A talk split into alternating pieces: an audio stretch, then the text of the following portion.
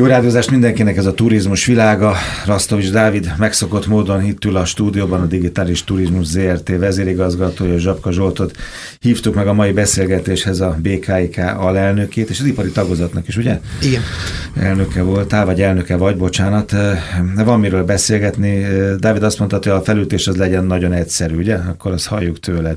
Igen, a, a felütés ugye az az, hogy az előző évek trendjeihez és tendenciáihoz képest most azt tapasztaljuk, hogy a, a budapesti turizmust kiváltotta ugye a vidéki és belföldi turizmusnak a, a növekedése vagy, vagy kapacitás kihasználtsága. Ugye ez köszönhető annak, hogy a diszkont légitársaságok megvágták a járataikat, amit vártunk és prognosztizáltunk a nyár végére, hogy valamilyen szinten újra fellendülhet az európai utasforgalom. Ez nem történt meg, vagy nem olyan formában történt meg, ahogy vártuk, és ennek a, a dinamikának a mentén szerintem a legfontosabb kérdés az, hogy milyen kihívásokkal küzdünk most Budapesten, mi lehet a jövőkép, milyen válaszokat tudunk adni a jelenlegi problémákra, és hogy ezt Zsolték hogyan tudják kezelni, és mik azok a, mik azok a kilátások, amik szerintük a következő pár hónapot alakítani fogják. Igen, hát egyfelől BKIK, meg egyfelől digitalizáció. Hát kezdjük akkor azzal, hogy most, most mi a helyzet augusztus végén. Hát a helyzet az, ahogy a sóhajomból is hallani, hogy nem egyszerű. Ugye a, a mi helyzetünkben ráadásul úgy, hogy a magyar vállalkozások több mint 42 a itt van Budapesten, ez több mint 350 ezer vállalkozást jelent, és nekünk egységesen kell őket kezelni ami azt jelenti, hogy ugyanúgy kell foglalkoznunk azon iparágakkal is, akik súlyos károkat szenvedtek, és ha már turizmusról beszélünk, mondhatjuk itt személyszállítás szolgáltatókat, hogy ezt láttuk márciusban, amikor megindultak a korlátozások, hogy mind, olyan, mint például a taxizás, egyik napról a másikra 95%-kal visszaesett a forgalmuk, ami azt gondolom, hogy egy olyan iparág van, ahol nem várható el a, a bevételekkel, hogy hónapokra tudjanak tartalékülni, az ott hatalmas problémákat tud okozni. De ugyanígy ráláttunk ugye a vendéglátóhelyekre is, ahol az elmúlt hónapokban készítettünk felméréseket, beszélgettünk komoly vendéglátóipari vállalkozásokkal, és az látszik, hogy a forgalmunknak maximum a 60%-a tud visszajönni, ellenben a munkavállalókat meg kell tartaniuk. És ugye egy másik ö, olvasatát is láthatjuk, a kormányzati intézkedések, azt látjuk, hogy több mint 148 milliárd ö, forinttal éltek a vállalkozók, de ennek az első szakasznak most lesz vége és ugye a következő szakaszról már tárgyal a kormány, ami azt jelenti, hogy itt a BKIK-nak igenis nagyon fontos szerepe van, már pedig az, hogy begyűjtse a vállalkozóktól az információkat, ne csak egy iparágat nézze, hanem a gazdaság egészét. Tehát egy komplet diagnózis Egy legyen, komplet ugye? diagnózis és az egymásra hatásokat. Na ez nagyon fontos lesz, hogy úgy tudjunk a kormánynak tanácsokat és segítséget, valamint releváns információkat hmm. adni a jelen helyzetről, amit a kis és mikrovállalkozók érzékelnek, amiben ők hathatós segítséget fognak Ebből tudni a, a tömegből egyébként lehet azt tudni, hogy mekkora százalékot érintett ez majdnem azt mondtam, hogy végzetesen vagy végletesen, de nagy mértékben? Százalékot most mondhatnék, de akkor le kéne mennünk iparágakra, hogy ne nagyon hogy menjek fele, mellé. Az összes vállalkozásban mondtam, hogy a felét egészen biztos, hogy a kétharmadát valamilyen módon érinti. Inkább többet is mondanék, igen, mert hogy azért Budapestet több dolog miatt is sújtja. Ugye azt látjuk, amit az előbb a Dávid is elmondott, hogy a turisták elmaradása egymásra hatás. Mm. Tehát nincs olyan iparág szinte egy Budapest, amit nem érintett a turizmusnak a visszaesése. Dávid direkt csavargott az elmúlt napokban a belvárosban. Ugye, tehát nézted azt, hogy mi van bedeszkázva, mi nincs, mi eladó, mi kiadó, mi az, ami nyitva van, mi az, ami dugig van.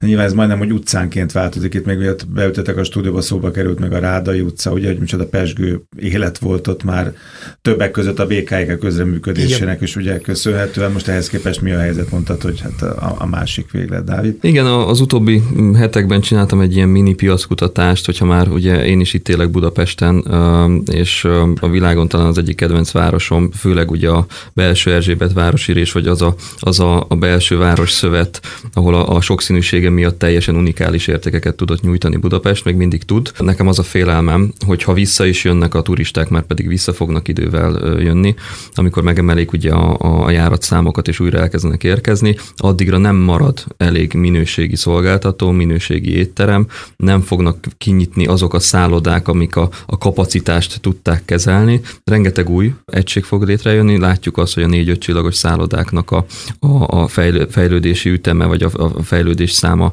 az, az megkérdőjelezhetetlen, tehát folyamatosan nőnek ki a, a földből ezek a, a minőségi szálláshelyek, viszont ahogy Zsolt is mondta, ez egy nagyon komplex dolog. Tehát az egyetlen olyan nemzetgazdasági iparág, ami szinte az összes többi iparággal összefügg, az összes többi iparágnak a teljesítményére hatással van, akár beszállítói oldalról nézzük, akár hogyha azt nézzük, hogy a, a, az iparüzési adó, vagy éppen a turizmus hozzájárulási adóból milyen bevétele származik a, a kormánynak vagy a fővárosnak. Ezek hatás ellen hatás oldalról vizsgálva, én azt gondolom, hogy egy tőzsdei példával érve Budapest lemaradó lesz. Nagyon, nagyon a, előre prognosztizált adatokhoz képest hosszú ideig. Érdekes mondtad ezt a sok csillagos szállákat, most a 8%-os, azt 8-9%-os a kihasználtságuk itt a Covid időszakban. Most pont voltam a héten egy sajtótájékoztatón. Pozsonyi szálláknál 17, az sem sok. Kitermeli ahhoz talán képest, az önköltség. Ahhoz képest, hogy 80-90-ről beszélgettünk, vagy, vagy lehetett volna ezen a nyáron, vagy ebben a, a szezonban. A kamera nyilván nagyon sok vállalkozással van nagyon közvetlen viszonyban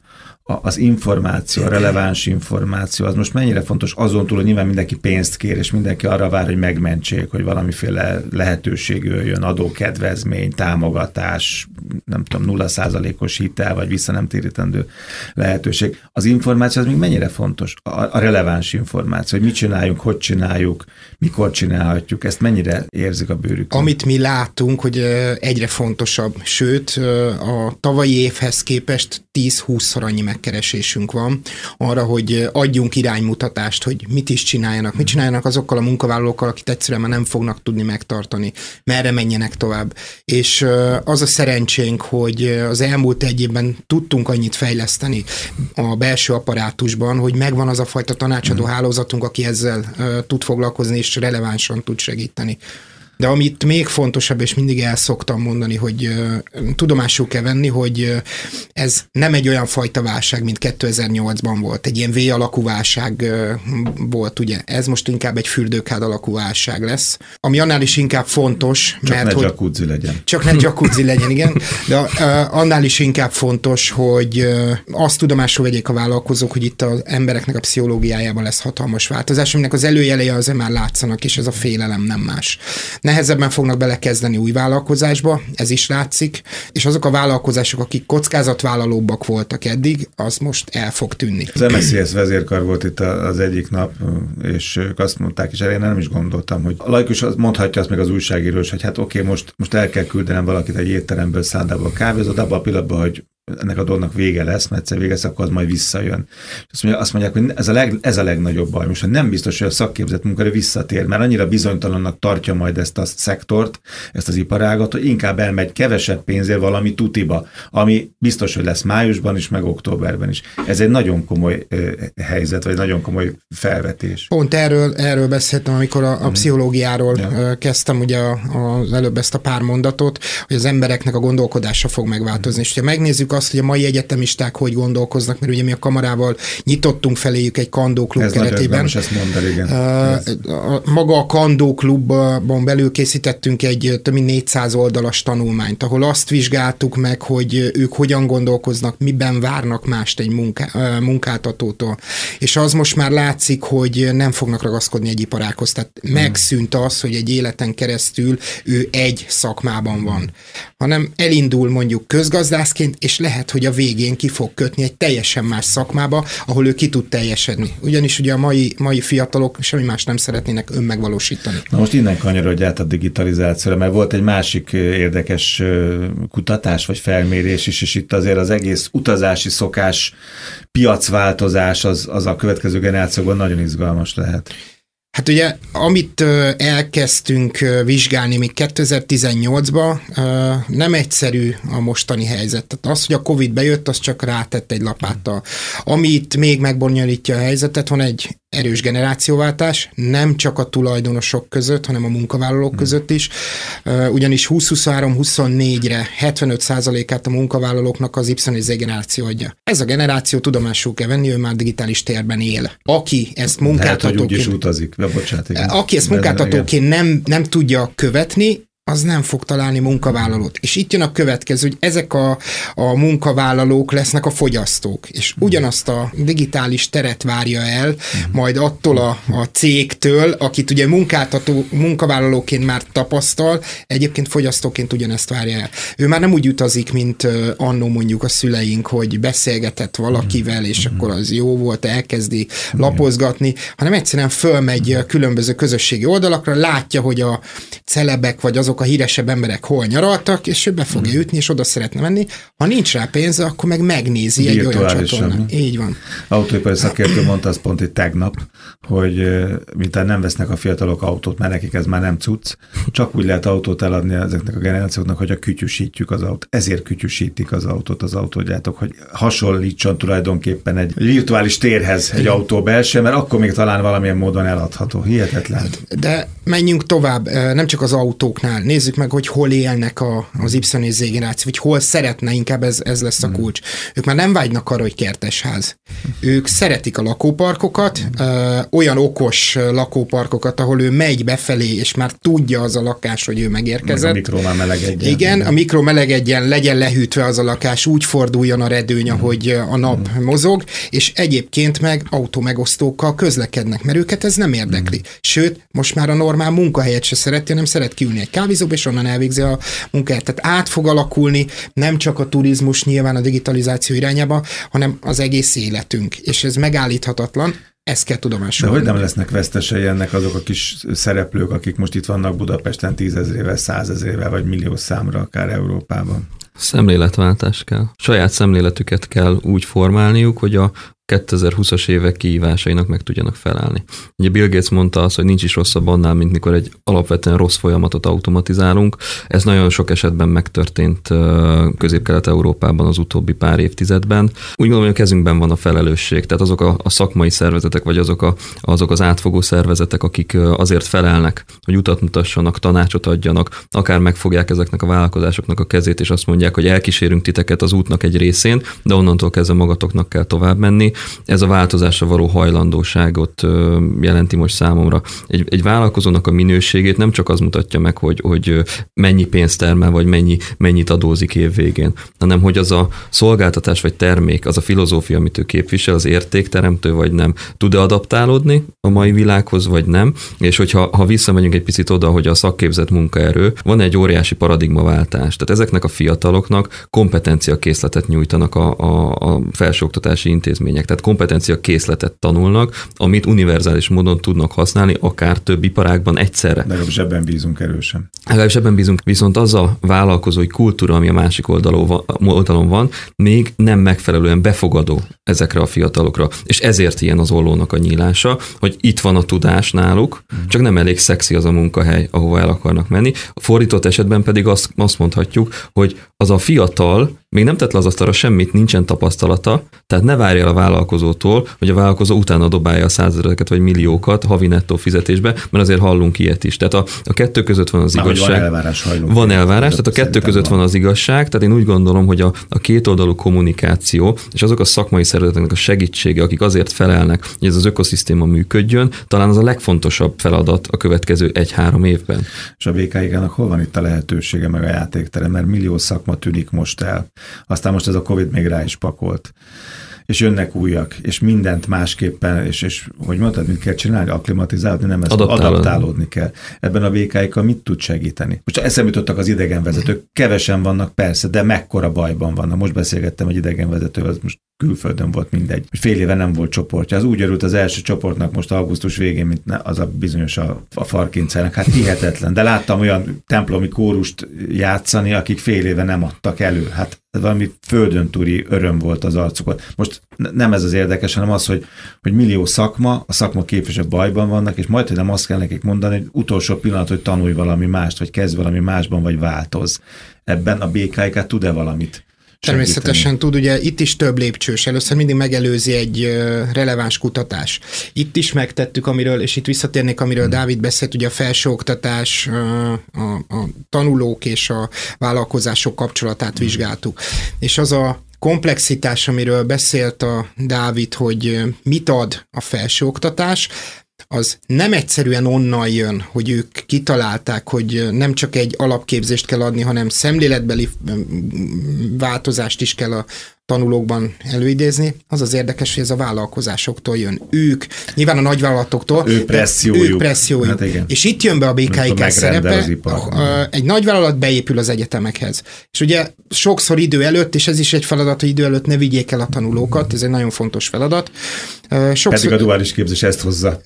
Sok, sok, helyen, sok helyen igen, de ugye ez a kamarának ott a feladata, hogy ez ebbe segítsen, hogy ne így történjen, és megértse az a nagyvállalat, hogy neki is arra van szüksége, hogy egy olyan munkavállalót találjon, akinek egyébként sokkal szélesebb a látóköre, mint egy. Tehát legyen türelmes, és ne a kis, igen. ne kis korába vegye ki a halatatóból, e, ez, meg, Ezen meg, segítünk, meg. de a másik, ami ennél még fontosabb, amiről beszéltünk, mikro és kis vállalkozásoknál, mi, mint kamara, őket össze tudjuk gyűjteni, és egy központi elosztóként működhetünk az egyetemek felé, hogy végre oda juthassanak a mikro és kisvállalkozók, és így tudunk azon segíteni, esetleg ne tűnjenek el, mert hogy ő nekik forrásuk arra nem lesz, hogy digitalizáljanak vagy fejlesztenek.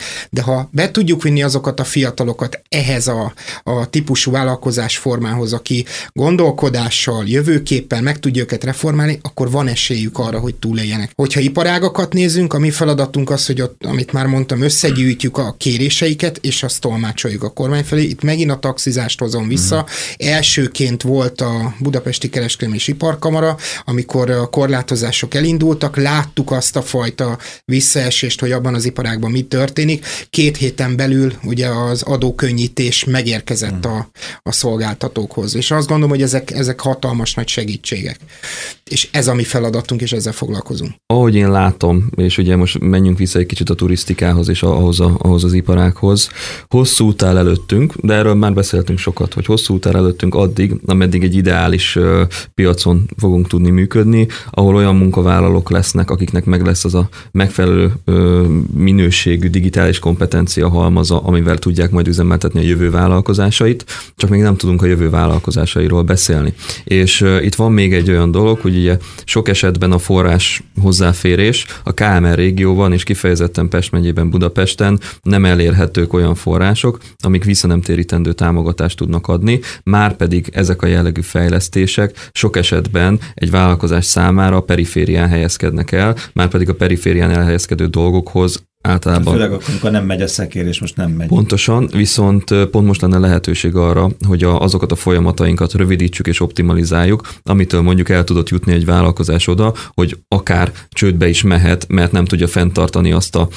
mondhatjuk úgy, hogy, hogy mamut vagy dinoszaurusz rendszert, amit mondjuk 20-30 éve üzemeltet. Tehát a, a korral való változás, a reagálás és reakció idő adott helyzetre, az most, az most egy kritikus dolog, és szerintem ebben kell, tehát ebben a folyamatban kell azt előidézni, hogy ezek a, a munkavállalók, a cégek, a felsőoktatási intézmények, a szakmai szervezetek hallgassanak egymásra. Tehát az, a, amivel kezdtük, és akkor most visszacsatolunk oda, kialakult az emberekben egy bizalmi válság. A bizalmi válságot csak úgy fogjuk tudni visszájára fordítani és pozitív irányba terelni, hogyha közösen fel tudunk mutatni eredményeket. Eredményeket csak akkor tudunk felmutatni, ha elfogadjuk a másik álláspontját, akkor is, hogyha nem értünk vele egyet. Bizalmi válság és türelmetlenség, mert az is egyébként növekszik. Mi adja most a legtöbb munkát? BKIK-ban? Hát a felmérések, begyűjtsük hmm. azokat a vállalkozókat ért negatív eseményeket, és ez a legjobb kifejezés rá, ami őket a legmélyebben érinti. De ugye mielőtt itt elkezdtük a beszélgetést, kerestük, hogy milyen pozitív dolgot hmm. tudunk mondani. Egy dolgot nem fog elveszíteni Budapest, az, hogy mennyire gyönyörű. Akár mikor sétál valaki a városban, Dunaparton hetente legalább kétszer végig szoktam sétálni, még egy ilyen gyönyörű főváros nincs. A mi feladatunk az azt gondolom, hogy vigyázzunk rá, és még ebben a, a helyzetben is arra törekedjünk, hogy ezt a szépséget megőrizzük, mert egyébként vissza fognak jönni majd a turisták, nyilván ez idő. És akkor itt jön be a kamara szerep, hogy ezt az időszakot hogy tudják majd túlélni azok a turisztikában érdekelt vállalkozók, akik jelenleg itt tevékenykednek, vagy mi az a segítség, amit mi még pluszban tudunk tenni. Tehát a pozitívum az, hogy ezt a szépséget, ha csak nem rontjuk el, akkor, akkor meg fogjuk tartani. Őrizzük meg legalább a jövő hétig, akkor majd újra találkozunk. Köszönöm szépen Rasztovics Dávid Digitális Turizmus ZRT vezérigazgató és Zsapka Zsolt, a BKK alelnöke volt itt a stúdióban, jövő héten találkozunk. Köszönöm nektek.